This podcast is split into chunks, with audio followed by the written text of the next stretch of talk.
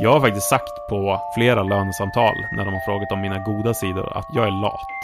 Och för mig när jag läste de här första kapitlen om, om de här grejerna, det blev så starkt för mig så jag började faktiskt gråta. När vet du att du är klar med ditt projekt? Det är väl när affektiva avdelningen säger att jag inte är ett psykfall längre. Eh, men det kommer inte hända. Okej. Du skulle ju om du fick gå loss som du ville så skulle ju du in djupare i kroppen med olika verktyg liksom. Vad är det här för underliv som är i vägen? Öppna dörren så vi får ut barnet. Du såg ut som någon slags papphammar på crack typ.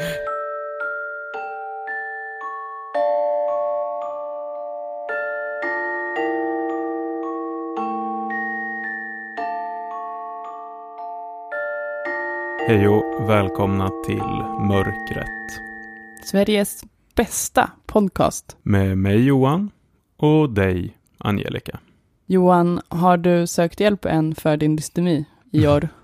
Hur går det i år? Ja, jag har faktiskt gjort det. Eller så här, jag, med din hjälp, inklusive att du ringde till landstinget i Uppsala flera gånger och frågade vem jag skulle prata med eftersom det in, verkligen inte går att förstå av deras hemsida. Men med din hjälp så har jag skickat in nu faktiskt en eh, så här självremiss, Egen, Till egen remiss. egen remiss till eh, affektiva avdelningen. Hur känns det? Det står ju också på deras hemsida att de så här, jobbar med de som är riktigt jävla störda i huvudet. Nej, det liksom. står det inte. Jo, Nej, men det står... det så här, de är extremt svåra affektiva problem. Eller Nej, Något sånt. nu, nu, Mm. nu är du väldigt affektiv. Svartvit i ditt tänkande. Nej, men det, det stod eh, de som har eh, ja, men typ svåra problem. Flera Mm. gånger skrev de det. Ja. Så jävla drygt sätt att uttrycka Mm, sig på. mm. Men det var enligt landstinget de som jag skulle prata med. Ja. Så nu har jag ju faktiskt, Jag var ju arg på dem. ja du var jättearg Ja, för att det inte gick att få, alltså man ska vara riktigt frisk i huvudet och kunna väldigt mycket om vårdkedjan och så för att få eh, någon hjälp från eh, psykiatrin. ja, för först, jag ringde ju bara, för jag tänkte så här, varför jag hjälpte dig för att du har skjutit upp på det här i typ 30 år, Ja. söka hjälp. Och jag fortsatte också att skjuta upp på det. Jag sa så här, ja, ja, ja okej, ja, jag kanske ska höra om jag, ja. Ja, och jag gjorde en snabb googling och Mm. då förstod jag att här får man då fan leta efter, alltså så här, det, man skulle, ja, det går ju typ inte att hitta. Nej. Så då hittade jag bara något nummer, jag visste inte ens om det var till någon så här rätt växel. Mm. Då jag ringde och så sa jag så här, det funkar ju inte det här Google. Var ska man gå? Det är helt sjukt. Mm. Få, få det som var gammalt att fungera först. Ja. Men man ska alltså förstå att det finns något som heter affektiv. Du, du tänker så här, lite, om någon inte har varit i kontakt med psykiatrin, då, då Mm. är du lite ledsen, deppig eller liksom jag har Mm. ångest, typ. kanske Ja. man kan sträcka sig till och uttrycka sig om det. Mm. Då ska du förstå att det betyder att du ska gå till affektiva mottagningen. Mm. För det jag försökte hitta var en psykiatrisk öppenvårdsmottagning, Mm. men det heter det inte. Nej. Utan det heter affektiva mottagningen. Mm. Då ska du gå till affektiva mottagningen 1 eller 2 beroende på när i månaden du är född. Alla som bor i Uppsala som är födda i första halvan på månaden, Mm. ja alltså det var ju, de ska vara på 1, affektiva 1 och de andra ska Mm. vara på affektiva 2. Mm. Och det är också väldigt konstigt om man delar upp det så, för du ska ju då dela eh, vårdställe liksom med personer som har svår bipolär sjukdom Ja. och kanske andra, Ja. ja, vi får väl se. Jag har ju inte, det var ganska, det var ett tag sedan det här och jag har ju inte fått något svar från dem ännu så nej. de kanske bara ghostar mig. Ja, det kommer de att göra. Vi måste ringa och Mm. tjata igen. Jag har ju ett tips som jag brukar säga till alla som bara, jag får inte hjälp. Jag bara, skrik IVO. Alltså det Ja, är det. Inspektionen för vård och omsorg. Mm. För det, jag har provat det på mina så här, vårdmottagningar på psykiatrin. De är v- rädd för väldigt få saker alltså. Mm. Du kan ju basically säga så här, jag vill dö. De Mm. bara, äh. Men om du säger så här, IVO. Då ser man hur de bara så här, oj oj oj. ja. För att de kan ju bli fällda och bötfällda och det ser ju inte bra ut om de blir inspekterade. Nej. Och vem som helst kan ju i alla fall anmäla någon till IVO. Mm, Ehm, så jag brukar skriva det på mina vårdkontakter. Jag, kom, jag kommer kontakta IVO. Då får man en telefontid direkt och sen gör jag aldrig det. Ja. Ja. Men jag känner ju också att så här, det här är ju ingen brådska det här med min dystemi. Mm. Det är ju, det har ju pågått ett tag. Man skulle skriva så här eh, i det här webbformuläret hur länge man har haft problem. För att börja tänka så här, 18 år ungefär. Ja. Då måste man ju skriva någon sorts förklaring varför man liksom inte riktigt kommit till skott och sökt vård tidigare. Och i mitt fall är ju det att jag bara har sett det här som ett, ja men att det är min personlighet, att det är ett personlighetsdrag. Medan flera andra nu, inklusive du, har sagt så här att ja fast så här, så här behöver man ju inte må och Nej. ha det hela tiden. Jag tycker du är så otroligt modig som bara ens kan tänka dig att söka hjälp när Mm. du typ aktivt motarbetar idén om att man ska ta emot vård överhuvudtaget. Eller att du, det är inte man, utan du. Nej. Du tycker att andra ska få vård. Ja, Men du skulle ju aldrig gå till vårdcentralen. Alltså typ, nej, nej, inte ens om du typ tappar ett öga, då skulle du bara, äh, det här gamla. Nej, nej, nej. Jag en gång i liksom mitt vuxna liv när jag så själv har varit tvungen att ta initiativ, gått till vårdcentralen, eller överhuvudtaget till vården liksom. Det är ju helt stört. Ja, men alltså så här typ, ja men en gång trillade jag ut för en trappa och fick väl säkert någon spricka i hälen eller något sånt, för Oh väldigt, God. väldigt ont i foten. Och alla bara, gå till vården, gå till vården. Jag bara, men vad ska de göra? Det kommer ju läka efter ett tag av sig självt liksom. Alltså det här, undrar hur du kommer se ut om 30 år när du har liksom haft så här skador och var helt sned. Du, är så här, du kan driva någon slags kampanj om att man faktiskt ska söka vård. Jag är ju där väldigt ofta. Sist jag var där så sa de åt mig så här, men vi tar inte de här blodproverna på rutin. Jag bara, Mm. sluta och kolla kolesterol. Mm. Nu är det bara att ni kollar. Jag bara, de bara, men det här kostar ju pengar. Vi kan inte bara sitta och Mm. rutinkolla typ din sköldkörtel. De bara, du har ju Mm. inte heller någon. Det är inga symptom. Nej, jag bara, fast nu, det här har ni gjort förut. Nu får ni ju kolla. Jag är så sjukt jobbig patient. Ja. Jag är ju säkerligen också jobbig eftersom jag, om jag någonsin kommer in till vården, kommer vara så här väldigt, väldigt sjuk och också ha googlat allting själv. Jag har försökt tejpa igen själv det som går. Men, men vi har ju en tes, du delar ju min tes faktiskt. Jag, jag har ju hållit på att härja om, ända sedan jag drog ut min kopparspiral. Mm. Så det var ju som att jag öppnade någon dörr till någon sån här slags bara egenvård. Mm. Det, det här hände ju ungefär samtidigt som de på vårdcentralen sa, du kan visst ta bort dina egna födelsemärken. Mm. Och jag intervjuade dem så här, kan man inte sy ett litet stygn själv? Och de Mm. var så här, mm, ja, jo. Och det, alltså det skulle de aldrig sagt. Du Eh, försökte ju också bli medlem i en förening som heter, vad heter den, Sveriges amatörkirurger eller. Hobbykirurgiska Hobbykirurgiska. någonstans. eh, som en förening för alla de som tycker att, jag brukar ju försöka hindra dig här och säga att man, ja, man kanske kan operera vissa saker på sig själv, typ i huden och så, men du skulle ju om du fick gå loss som du ville så skulle ju du in djupare i kroppen med olika verktyg liksom. Jo, nej, alltså jag vill mest ehm, kunna liksom, alltså jag skulle vilja kunna driva en egen vårdcentral, fast då Mm. gentemot min egen kropp, för jag skulle inte göra det mot någon annan. Typ, ja men så här, sy mindre skärsår och sånt där. Mm. Alltså för att jag tycker att det är trams att man ska behöva gå och få bedövning. Jag tror att man pallar, alltså göra sånt utan bedövning och så. Mm. Eh, men Hobbykirurgiska föreningen, de vill ju, vad är det de säger, överbrygga Klyftan mellan lekmän och Eh. utbildade medicinare eller något sånt. Ja, men hade inte du läst en bok om att eh, det egentligen bara är trams där med läkarvården? Nej, inte riktigt så, men det var en bok av eh, Barbara Ehrenreich, eh, den här amerikanska vänsterjournalisten som skriver om typ sjukvård och, och jättemycket ur ett intressant eh, perspektiv. Men ja, hon ger ju dig lite rätt i det här att ganska mycket inom läkarvården har varit, alltså att det är så här, eh, ganska mycket hur, hur typ sjukvården har varit uppbyggd har handlat om att typ eh, upprätthålla en hierarki mellan läkare och patient liksom. Och särskilt då om ja, men läkaren är vit och man och kommer ofta från en ganska välbärgad bakgrund, åtminstone i USA liksom. Och, så. och patienterna ofta inte tillhör de kategorierna och att det har funnits väldigt mycket, alltså så här som att man typ Eh, ja men väldigt, väldigt länge inom amerikansk förlossningsvård så la man ju kvinnor i princip en sån gynekologstol, liksom med benen upp. Eh, och det är ett jättedåligt sätt eh, att föda på. Det är inte så kroppen är gjord för att föda på. Väldigt många fick väldigt stora liksom, underlivsskador och så. Eh, och, det, och det är så här, varför gjorde man så? Jo, för att läkaren vill kunna sitta på en stol. Vill inte vara nere och kravla liksom. Eh, Det är så jävla och jättelänge så sövde man i USA kvinnor när de skulle föda.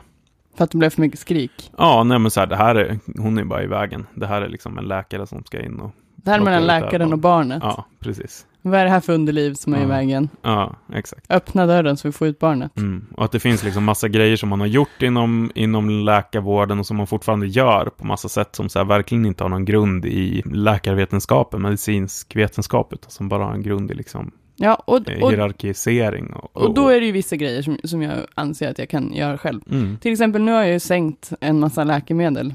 Och det ska man ju absolut inte göra själv. Nej. Men jag kan ju läsa fast vårdpersonal Mm. precis lika mycket som vårdpersonal kan läsa fast vårdpersonal. Mm. Och varför ska jag gå till, alltså, jag, antingen så gör jag det själv, eller så går jag till ett besök hos psykiatrin och sen så eh, gör de exakt så som jag hade gjort. Mm. Eller ja, du fattar. Jag mår jättedåligt.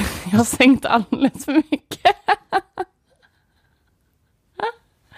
Man ska inte sänka antidepressiva jättesnabbt, det har jag läst på fast vårdpersonal. Men det är inte så farligt faktiskt.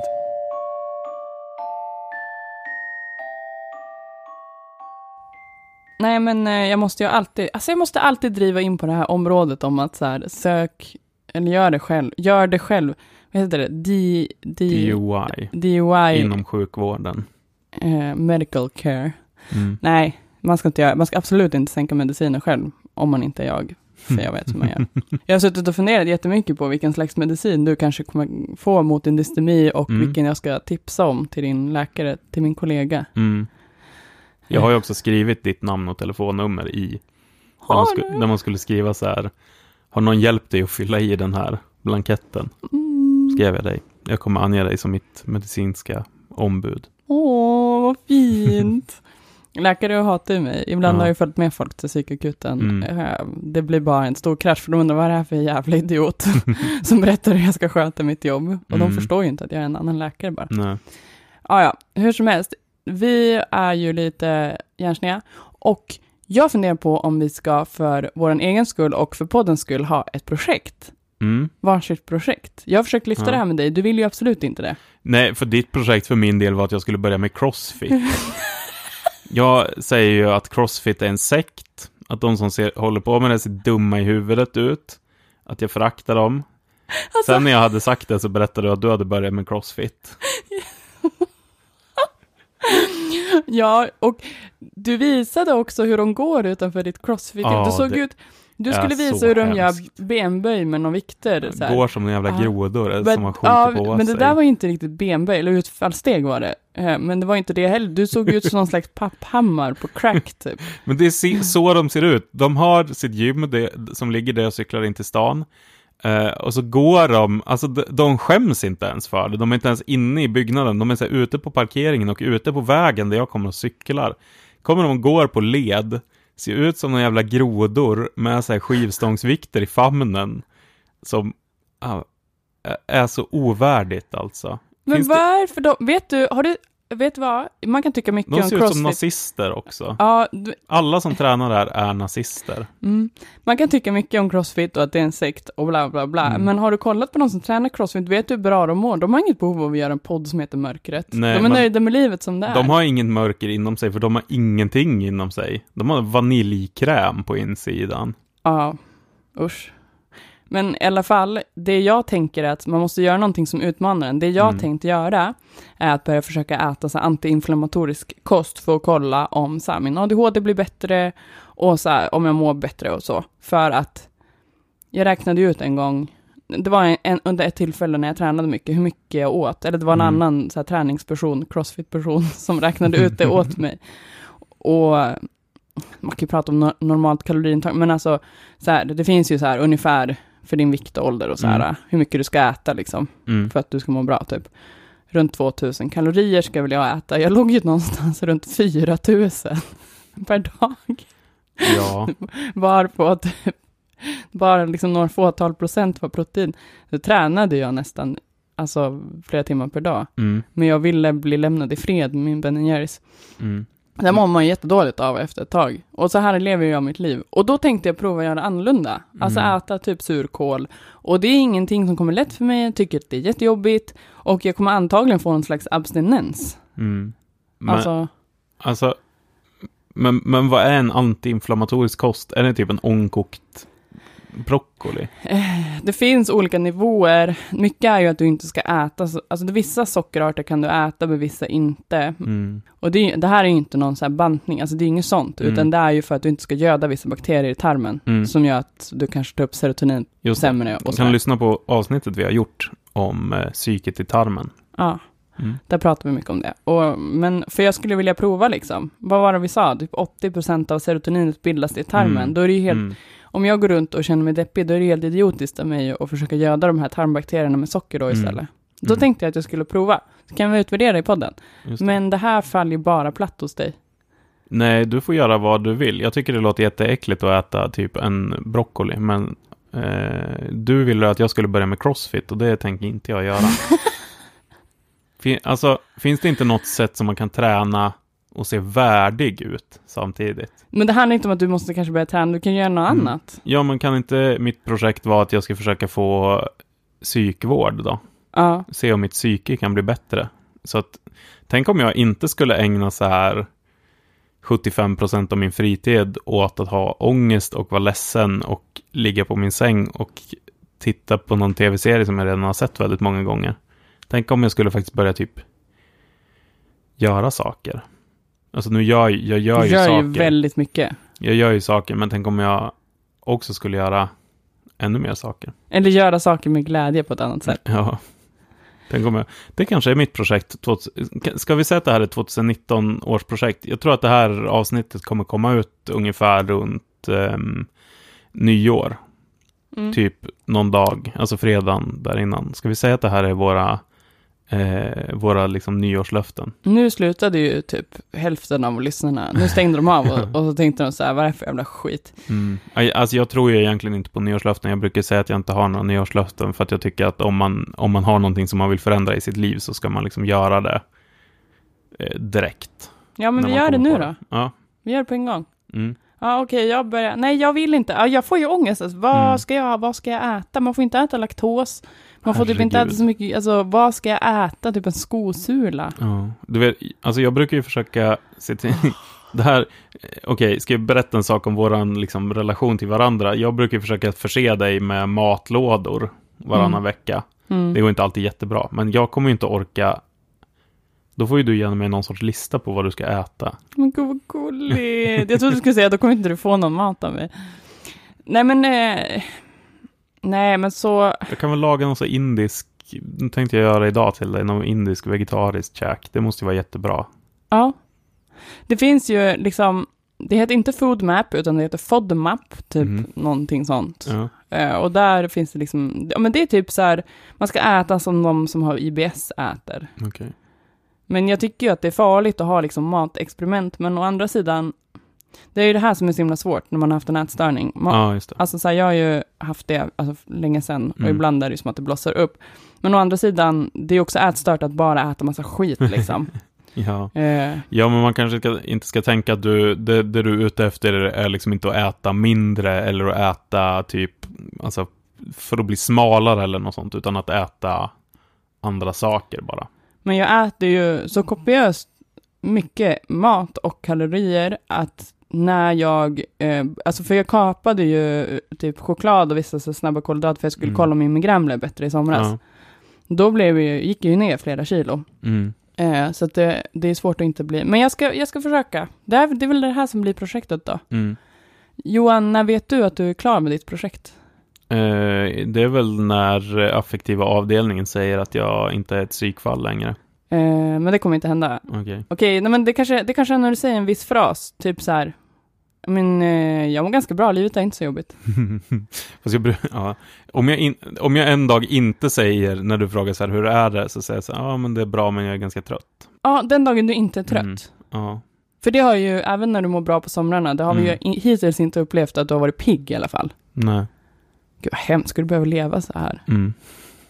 Okej, men eh, Johan blir frisk mentalt Ja. och jag blir fr- frisk rektalt. Nej.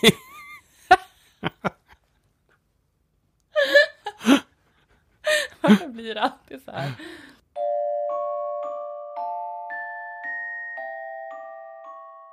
Ja, alltså det här avsnittet idag alltså det här kommer låta som ett jättedåligt skämt, men, men grejen är att vi, vi ska göra ett avsnitt om prokrastinering och uppskjutande beteende. Eh, och det har vi pratat om sen vi kom på att vi skulle göra den här podden. Och sen har vi skjutit upp det avsnittet.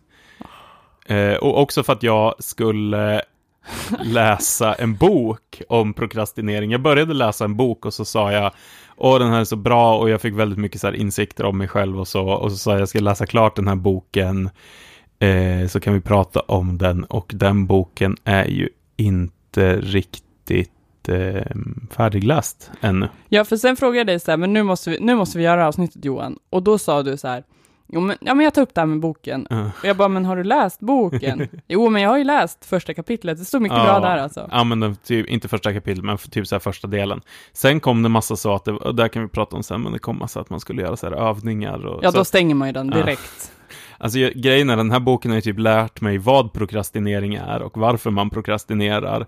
Sen skulle den ju också lära mig hur man slutar med det, men det, jag har inte kommit dit riktigt Men det är, ännu. ingen, det är ingen som Nej. gör det i de här. Kan inte bara självhjälpsböcker sluta med det? Ja.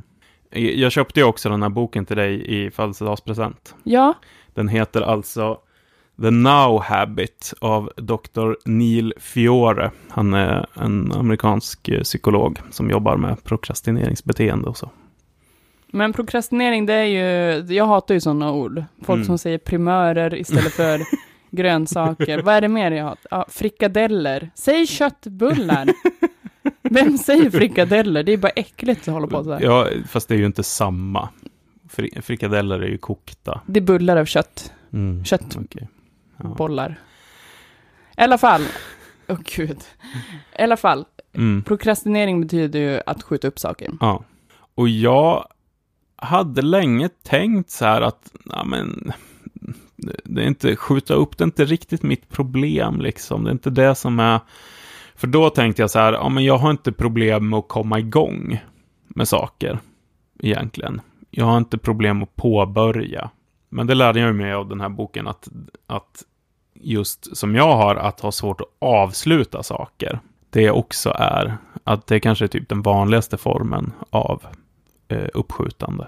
Ja, ja, just det, för det, man skjuter upp att göra klart. Ja, precis. Man börjar med någonting och sen, ja, nej, alltså du ska typ lämna in något eller visa något för någon annan eller på något sätt liksom bli klar med det du håller på med och så är man lite så här, mm, typ jag kan ta ett exempel nu, alltså det jag hatar mest av allt hushållsarbete det är att städa badrummet. Väldigt mycket hushållsarbete tycker jag är helt, helt okej, men städa badrummet tycker jag är för jävligt. Men då leder det på något sätt till att jag går och så här, för vi har, jag bor i ett kollektiv och vi har så här veckoschema med vem som ska göra vad och har man inte gjort sin uppgift sin vecka så får man ju liksom, ja, då skjuts, skjuter man ju bara på det. Uh, och jag har jättesvårt att bli klar med badrummet. Men det leder ju till att jag bara får göra det här jättemycket. Alltså för att man måste ju typ gå och städa toalettstolen och eh, städa handfatet och så. Det måste ju göras. Det blir smutsigt liksom. Så får jag göra det massor med gånger. Bara för att jag så här inte gör det här allra sista. Liksom, ja men torka golv och, jag vet inte, eh, städa, liksom torka ur bad, alltså så här, torka bort eh, fläckar ur badkaret, kalkfläckar och så Du mår där. ju väldigt dåligt av det också. Du pratar ju ofta om badrummet. Ja. Ja men det är ju också så, senast jag gjorde det här så höll jag ju på, alltså det, dels att jag skjuter upp det i flera veckor och göra klart det. Och sen den dagen när det är så här, nu måste jag göra det, måste, måste, måste göra det. Då kan jag ju skjuta upp det till så här 11-12 på kvällen liksom. Och sen tar det, senast jag gjorde det här, då sa ju du till mig så här, gå, nu måste du gå eh, på de här 20 minuterna. Vi gjorde det här som vi har snackat om tidigare med en pomodoro då. Och det är ju det här, man, 25 minuter, Mm. så gör man någonting, man klockar Ja. intensivt och Mm. sen så tar man en paus. Ja. Och då brukar vi ha den att ibland på Messenger, Mm. då, då säger du så här, släng en pomodoro på mig. Ja. Nej, så säger du inte. Nej. Ge mig en pomodoro, säger Men du. du skulle sitta, du behövde sitta och arbeta och skriva typ och jag behövde göra badrummet. Mm. Och så tog det, alltså bokstavligt 25 minuter att göra det här sista, som jag då hade gått och skjutit på, dels i flera veckor och sen i liksom en hel dag bara suttit. Verkligen, också så här, verkligen att man bara sitter och inte gör någonting. Alltså tänker så här, jag måste städa badrummet, jag måste städa badrummet, och så bara gör ingenting Och det tar ju så vettigt. otroligt mycket energi. Det är ju sånt Mm. som man verkligen får ångest av. Ja, verkligen. Men eh, man pratar ju ofta om det eh, när man pratar om ADHD. Och ehm, med ja, men så här, skjuta upp grejer. Och det är ofta, tycker jag, när vi hade grupper på där jag jobbade förut för personer med ADHD och deras, framförallt deras anhöriga, alltså Mm. de som hade störst problem, alltså ADD ofta, inte hy- hyperaktiv utan ADD, vuxna som, som sköt upp på grejer mycket, alltså de var ju de som hade typ störst ångestproblematik Ja. och störst alltså problem i sina relationer. För det, på, det är klart, det påverkar ju jättemycket. Mm. Alltså det finns ju inget mer irriterande än en person som bara, jo men jag ska fixa det här och så är det en grej som påverkar oss båda Mm. och så gör man inte det. Nej. Det är ju fruktansvärt. Mm. Och samtidigt vara personen som vet så här, jag borde göra det här och så Mm. gör man det inte, för att det går typ fysiskt inte. Nej. Men den här boken hade en teori om varför, Ja, precis. Den här, den, han förklarar, och det var liksom så här, jag, där kanske alla kanske tycker så här, ja, det här är väl helt självklart, det här har alla fattat utom du Johan, men jag hade liksom inte fattat det. Och för mig när jag läste de här första kapitlen om, om de här grejerna, det blev så starkt för mig så jag började faktiskt gråta. Eh, för att jag fick någon sorts insikt om mig själv liksom. För jag har alltid tänkt att mitt beteende, för att jag har ett sånt starkt så jättesvårt att göra klart saker. Och drar ofta ut på saker och ofta blir liksom klar i sista sekund eller typ efter sista sekund så att folk blir typ sur på en för att man har gjort. Eh, och jag har alltid bara tänkt att det är så här, ja men det är typ lathet. Eller Mm. det är så här ett dåligt personlighetsdrag hos mig. Jag är sån. Det bara är så. Jag har jättesvårt att bli klar med grejer. och det är ju väldigt fult att vara den som är Ja. lat. Ja. Det finns ju inget fulare typ. Nej, verkligen inte. Men det som Dr. Fiore säger i den här boken då är att okej, varför blir man en som prokrastinerar? Det är typ 100% för att du är en perfektionist. Och det är också därför du har svårt att göra klart någonting, eller till och med en svårt att påbörja någonting. Därför att du vill att det här ska bli mm, perfekt. Och man kan inte avgränsa heller. Nej. Du ska göra allt och du ska göra det så mycket. Och du har jättestora krav eh, på dig själv i allting. Och vad beror det här på då? Varför är du en per... Okej, för då kan man säga så här, okej, du är inte lat, du är en perfektionist. Och perfektionist låter ju trevligare än att vara lat. Mm. Eh, om du går in i, på en arbetsintervju och säger så här, ah, vad, vad är dina negativa sidor? Då vill du ju säga så här, ja, ah, kan vara att jag är lite för perfektionistisk, liksom. Inte så här, ja, ah, jag är lat. Jag har faktiskt sagt på flera lönesamtal, när de har frågat om mina goda sidor, att så här, jag är lat.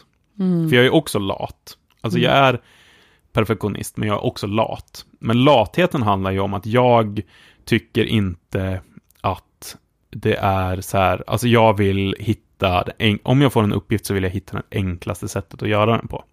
Och det tror jag är bra. Jag tror att den latheten är en jättebra drivkraft. Jag tror det är den latheten som har drivit fram så här all mänsklig utveckling, all teknisk utveckling och så att vi bara inte Alltså de som är, inte är lata, de här crossfittorna som bara vill Men gud, bära ja. De som bara, nej men det är okej, jag kan gå som en jävla groda och bära den här tunga stenen upp för den här backen. Herregud. Det är ju inte de som har utvecklat Oh en God. vagn och köra upp stenen i istället. Liksom, Du, Johan, är vi lata. Ja, nu är det här sidospår, men jag vill bara säga Mm. att crossfit, det bygger mycket på att du kan träna typ 20 minuter om dagen, men alltså, det är ju Ja. ganska, nej, inte ens då. Mm. Ja, men i alla fall, jag derailar lite. Eh, men det, det känns ju på något sätt och vis trevligare att vara en perfektionist än att vara en lat person. Ja, om man inte är en kvinna. Ja, Kontrollerande perfektionist. ja, jo. No, fast det, ja, det som den här boken försöker säga är väl egentligen att vara liksom en perfektionist är inte bra. Det är inte ett, ett tecken på att du mår bra direkt, utan det är ett tecken på att du kopplar ditt värde som person till vad du presterar. Mm. Och att det här är väldigt vanligt hos oss, som när vi var barn, var väldigt smarta och väldigt duktiga. Och duktiga i skolan och hade det enkelt för oss. Och fick mycket beröm kopplat till vad vi gjorde, vad vi presterade. Det är ju inte rättvist då att i vuxen ålder har vi väldigt svårt att så här, få någonting gjort överhuvudtaget. Ja, det blir lite motsägelsefullt. Man tänker ju så här, bara, Mm. men det här är ju de framgångsrika kidsen. Ja, Nej, nej, det är de som ligger hemma och har ångest, som inte lever upp till sin fulla potential. exakt. Och som har knutit väldigt mycket av sitt värde till. Så, men, åh, vi har fått så här höra typ så, åh vad bra, det var jättebra det här, du är så himla smart, du är så himla duktig. Och sen när typ vad ska jag säga, utmaningarna blir svårare. Vi kanske inte klarar allt, alltså så här, för mig var ju skoltiden var ju väldigt, väldigt enkel. Så väldigt enkel. Jag slutade i princip göra läxor någon gång på högstadiet. Mm. Alltså inte om man behövde lämna in någonting och så fick jag ju skriva det, men, men jag slutade ju typ läsa på till prov och så. För att jag fick ju full poäng ändå. För jag Mm. tyckte att det var så enkelt i, i de ämnen jag var bra i. De andra ämnena bestämde jag mig för att vara skit och sånt som man inte behövde kunna liksom. Antagligen för att försvara min egen självbild av att det som är bra och viktigt, det kan jag bara. Det behöver inte jag anstränga mig för liksom. Mm. Och då när man kopplar sitt värde så starkt till sin prestation, då blir det ju oerhört svårt att få någonting gjort. Därför att du utvecklar en oerhört stark ångest för att det du ska göra, det du ska prestera, det du på något sätt ska visa för andra, eller liksom så, att det inte är tillräckligt bra.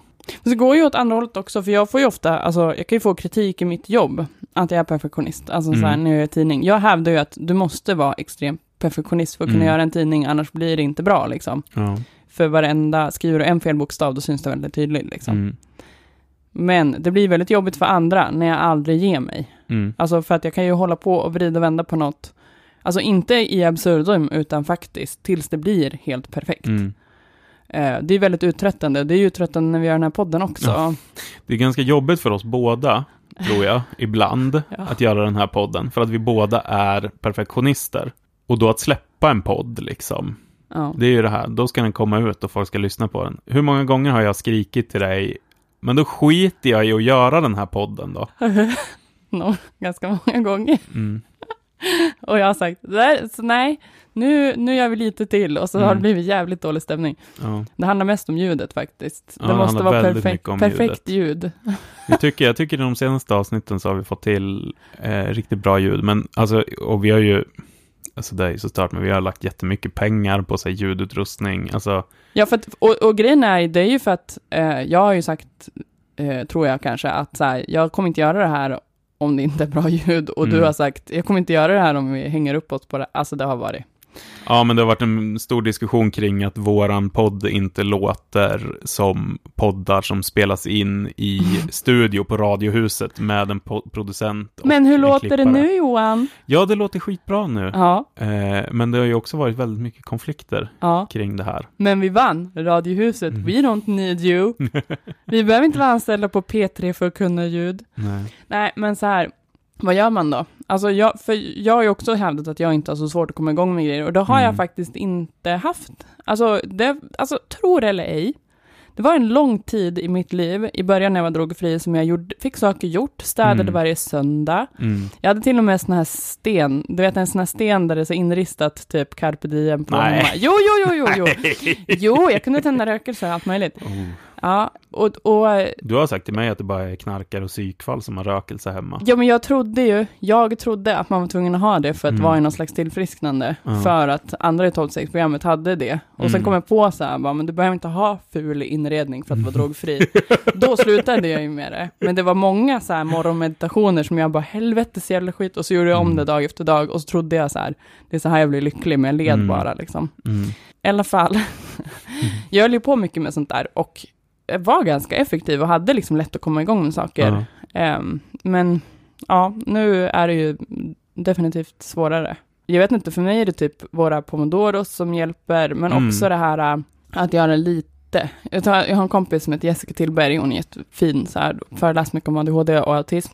Och hon, eller mycket, men hon har föreläst en del och är jätteduktig. Men hon säger det att hon, hennes motto är typ så här, det är bättre att göra lite än att göra ingenting. Mm. Och det är något som typ får mig att det. resa mig upp ur soffan. Ja. Men jag brukar ju också ställa det här mycket tveksamma, en eh, eh, medicinsk timer. Mm. I början på året så åt jag en ganska så stark sömnmedicin Mm. som jag inte äter längre.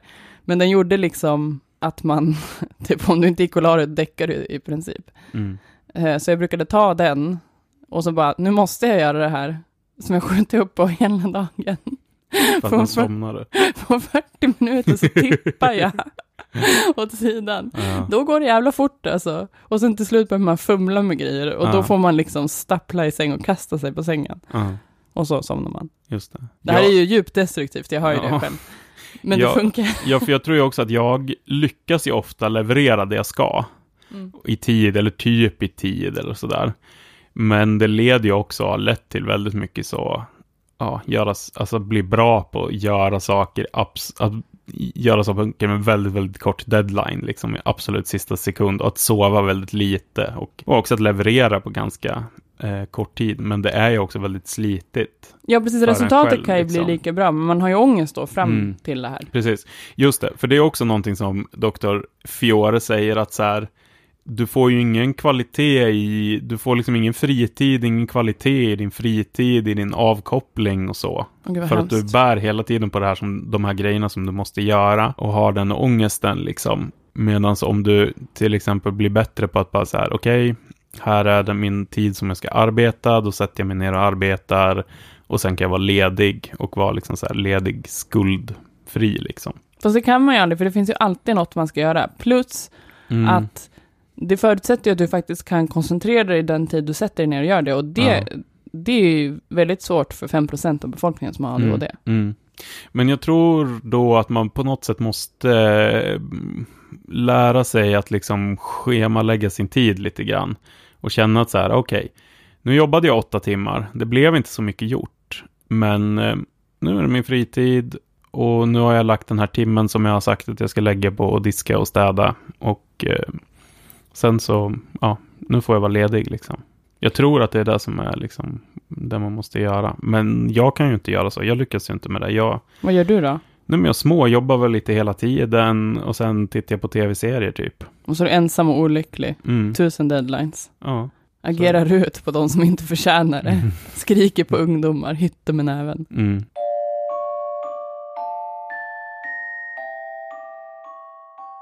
Nej men det finns ju så här massa, det finns ju massa knep som man kan ta till. Och för mig har ju, vi har pratat om det här tidigare i podden och så här, men den här pomodoro-metoden och att göra den, att vi två gör den tillsammans. Och man gör den ofta, har jag Mm. märkt. Man måste göra Ja. den mm, alltså, nästan varje dag för Mm. att man ska ha ett bra funktionssätt i övrigt. Ja.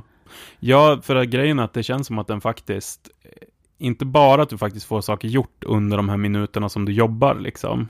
Mm. Och det är väl just det här att du ska, istället för att typ, ja, jag måste göra de här grejerna, fast nu sitter jag och tittar på Facebook i tio minuter och utan att det är så här, okej, nu jobbar jag 20 minuter och fokuserar på det jag ska jobba på. Sen är det fem minuters paus och då ska jag liksom inte sitta och småjobba lite, utan då kan jag, ska jag sitta och titta på Facebook eller kolla ut genom fönstret eller vad jag än vill göra, eller gå och ta en kopp te eller Mm. Liksom sådär. Men jag, märk, jag tycker ju också att, att vi har kört så konsekvent på den här metoden nu i höst har ju på något sätt, det känns som att det har hänt någonting i min hjärna, att jag har mycket lättare att så här, Det är den här Eh, tröskeln som mm. har liksom blivit mindre. mycket lättare att komma till skott och bli klar. För jag är så här, alltså, jag tycker det är svårt, det är inte bara så här, ah, kan du skriva den här rapporten om den här grejen och sånt, ja, ah, jo, eller kan du skriva den här rutinen, jo, eh, men det tar skitlång tid för mig att bli klar, för att jag bara, den måste vara perfekt, perfekt, perfekt, innan jag ens visar den för någon.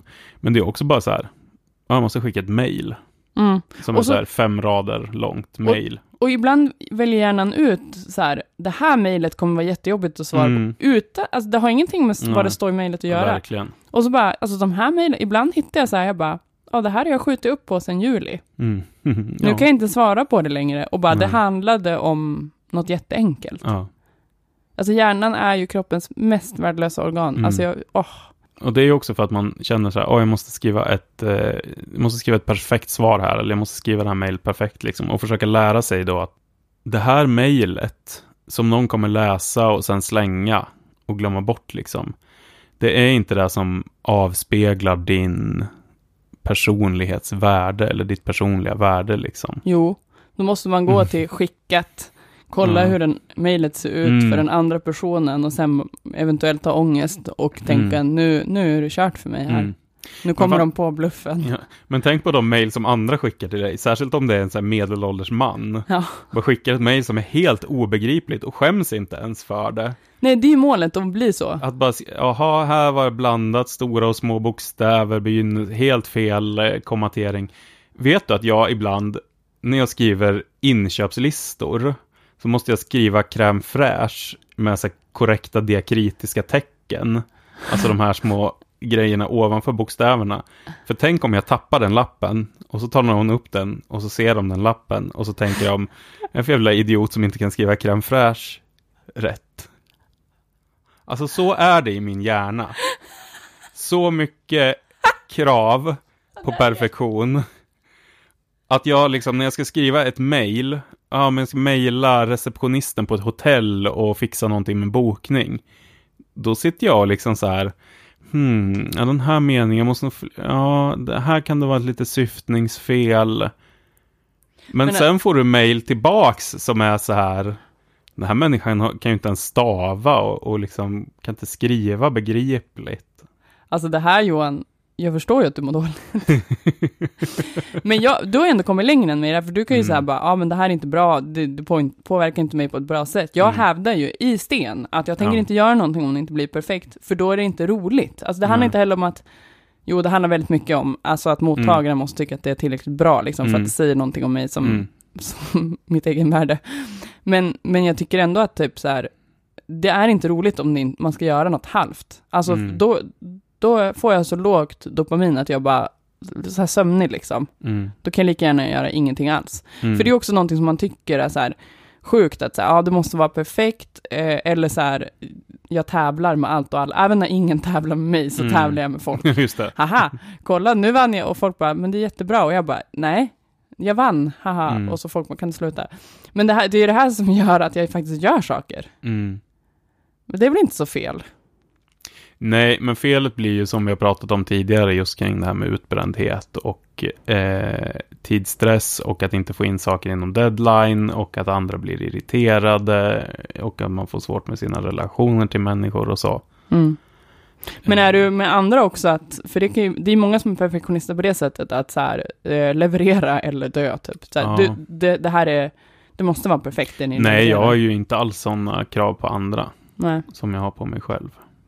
Men det är intressant är det, därför att jag läste för ett tag sedan en eh, forskningsartikel i det amerikanska psykologförbundets eh, liksom, teoretiska tidskrift som sa att de som är födda efter 89, vilket alltså de som är lite yngre än både dig och mig, eh, generationen som är födda 89 framåt, deras perfektionism har ökat jättemycket i jämförelse med tidigare generationers. Och då hade de mätt det på tre plan, för ofta har man bara med perfektionism sett så här, dina förväntningar på dig själv. Men de har också mätt dina förväntningar på andra och din uppfattning om andras förväntningar på dig. Eller samhällets förväntningar på dig kanske. Och den visar att alla tre av de här har ökat väldigt, väldigt mycket. Och särskilt det här då med din uppfattning om samhällets krav på perfektionism. Så det här kravet på perfektionism har eh, reellt ökat jättemycket. Och de i den här rapporten kopplar det här väldigt explicit till eh, den nyliberala politiska och ekonomiska världsregimen liksom från 89. Men vad framåt. menar du då? Ja, men just det här med att minskade kollektiva värderingar, Mm. ökad individ- individualism, en ökad syn på att alla kan lyckas och det är bara din egen insats liksom som räknas. Och om det går dåligt i ditt liv så beror det på att du inte har försökt tillräckligt hårt, jobbat Eller typ har rätt hårt. inställning. Du ska hela tiden sälja dig själv. På något sätt. Och du måste hela tiden då visa dig själv.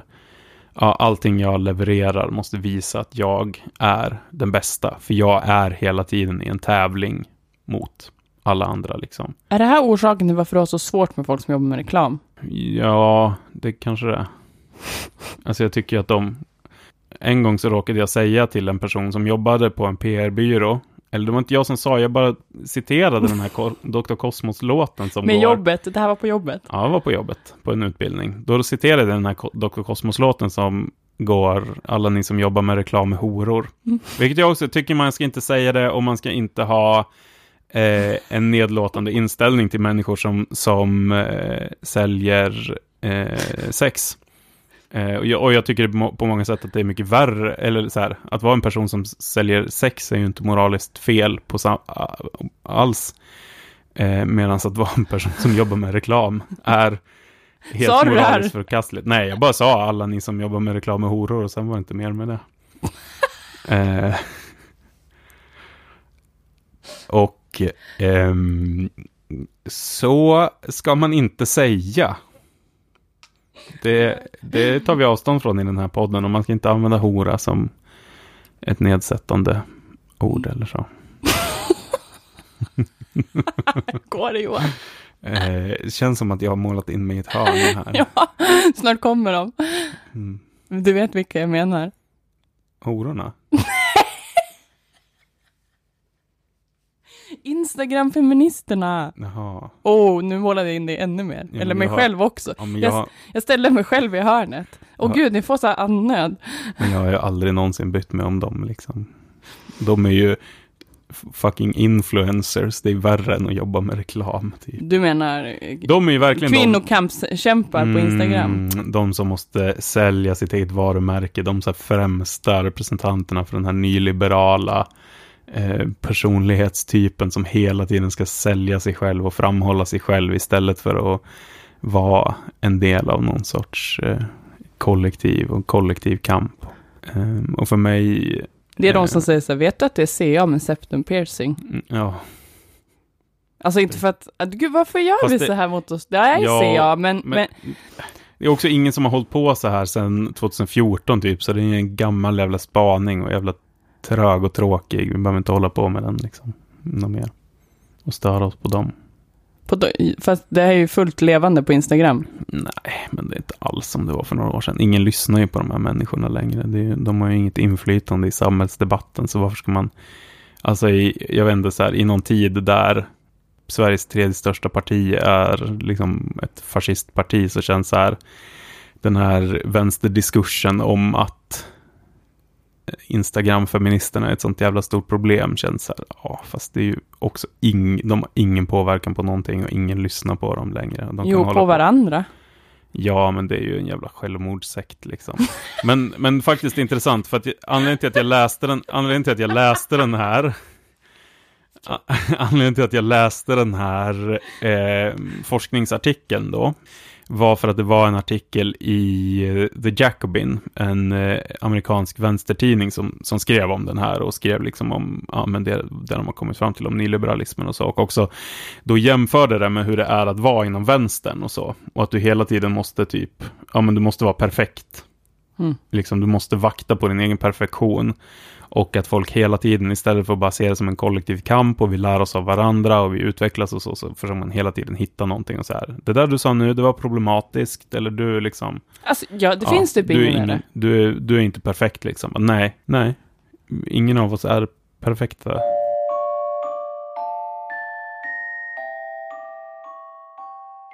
Nej men så att jag tror att så här, det här med pomodoros är skitbra, det är alltså jättebra att hitta olika tekniker. Jag tror säkert att eh, Dr. Fiore, han har eh, jätte, jättebra eh, tekniker i sin bok säkert som kan hjälpa en med, med prokrastinering om man någonsin orkar göra dem. Det här är ju också mitt problem, att han har ju så här massa övningar man ska göra och det var ju då jag slutade läsa, för då känner ju jag, åh, eh, jag måste göra de här övningarna helt perfekt så att eh, doktor do, doktorn i den här boken ska bli stolt över mig och tycka att jag, alltså precis som min lärare var stolt över mig på mellanstadiet, så att jag får känna lite värde, liksom. Att någon återigen kan säga till mig, åh men Johan vad du är duktig, du är så smart, du gör allting rätt och perfekt liksom.